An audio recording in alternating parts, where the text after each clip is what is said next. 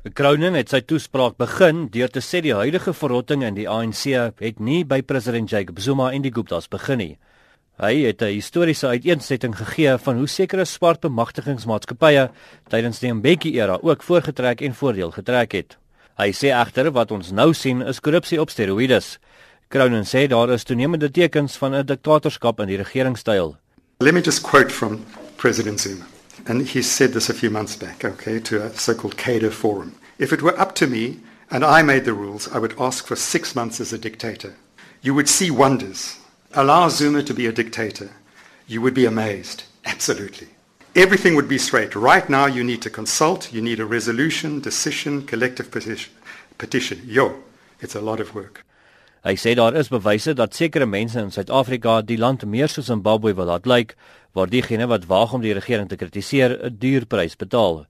Hy het voorbeeld gemaak van kollega en SAK joernalis Suna Venter wat blootgestel is aan tuistering en gedreig is omdat sy 'n voorstander is van etiese journalistieke beginsels. Venter is verlede week aan 'n hartkwal oorlede. I mean it's just horrible the way in which this brave young journalist was treated. I mean it's just horrific, okay, but she's not alone. I mean the the former uh, Director General of, of Social Development, uh, Zane Dengel. Thugs have vis- visited his home, threatening him, and so forth. For this week, two fires and one flood in the offices of premiers who have, are suspected of not being in the right camp. Cronin sê die enigste ligpunt is dat Suid-Afrika wel baie van Zimbabwe verskil. We have a powerful media.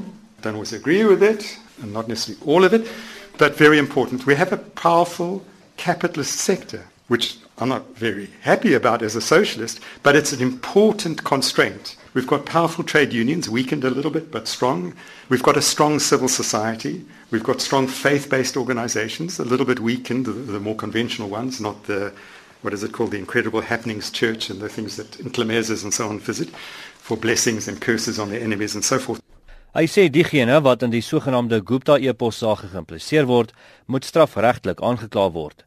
Cronin sê die stigting van 'n kommissie van ondersoek na staatskaping moet nie as plaasvervanger vir die indien van die aanklagte gebruik word nie. Cronin sê daar is bewyse dat die inligting in die e-posse korrek is en daarom hoef mens nie te wag op die kommissie voordat aksie geneem word nie. There's strong prima facie evidence of criminal activity. For instance, it's illegal to provide a top secret document to a private party. It sounds treasonable to me, okay.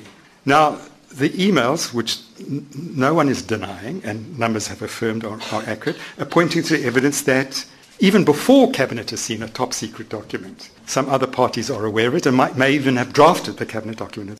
Crownen is gevra teen die agtergrond van sy eie klagtes waarom hy en ander lede van die kommunistiese party steeds deel is van die regering.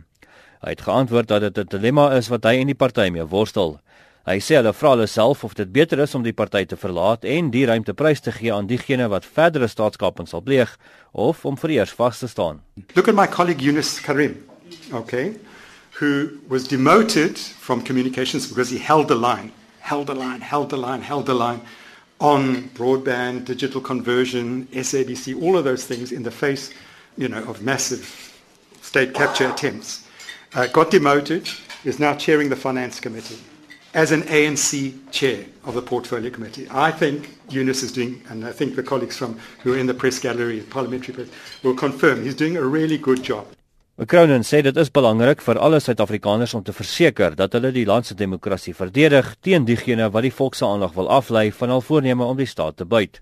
Hy sê die ANC droom as hulle dink hulle kan in 2019 meer as 50% van die stemme kry. Hierdie verslag deur Joseph Masia in die parlement en ek is Justin Kennedy vir SAK nuus.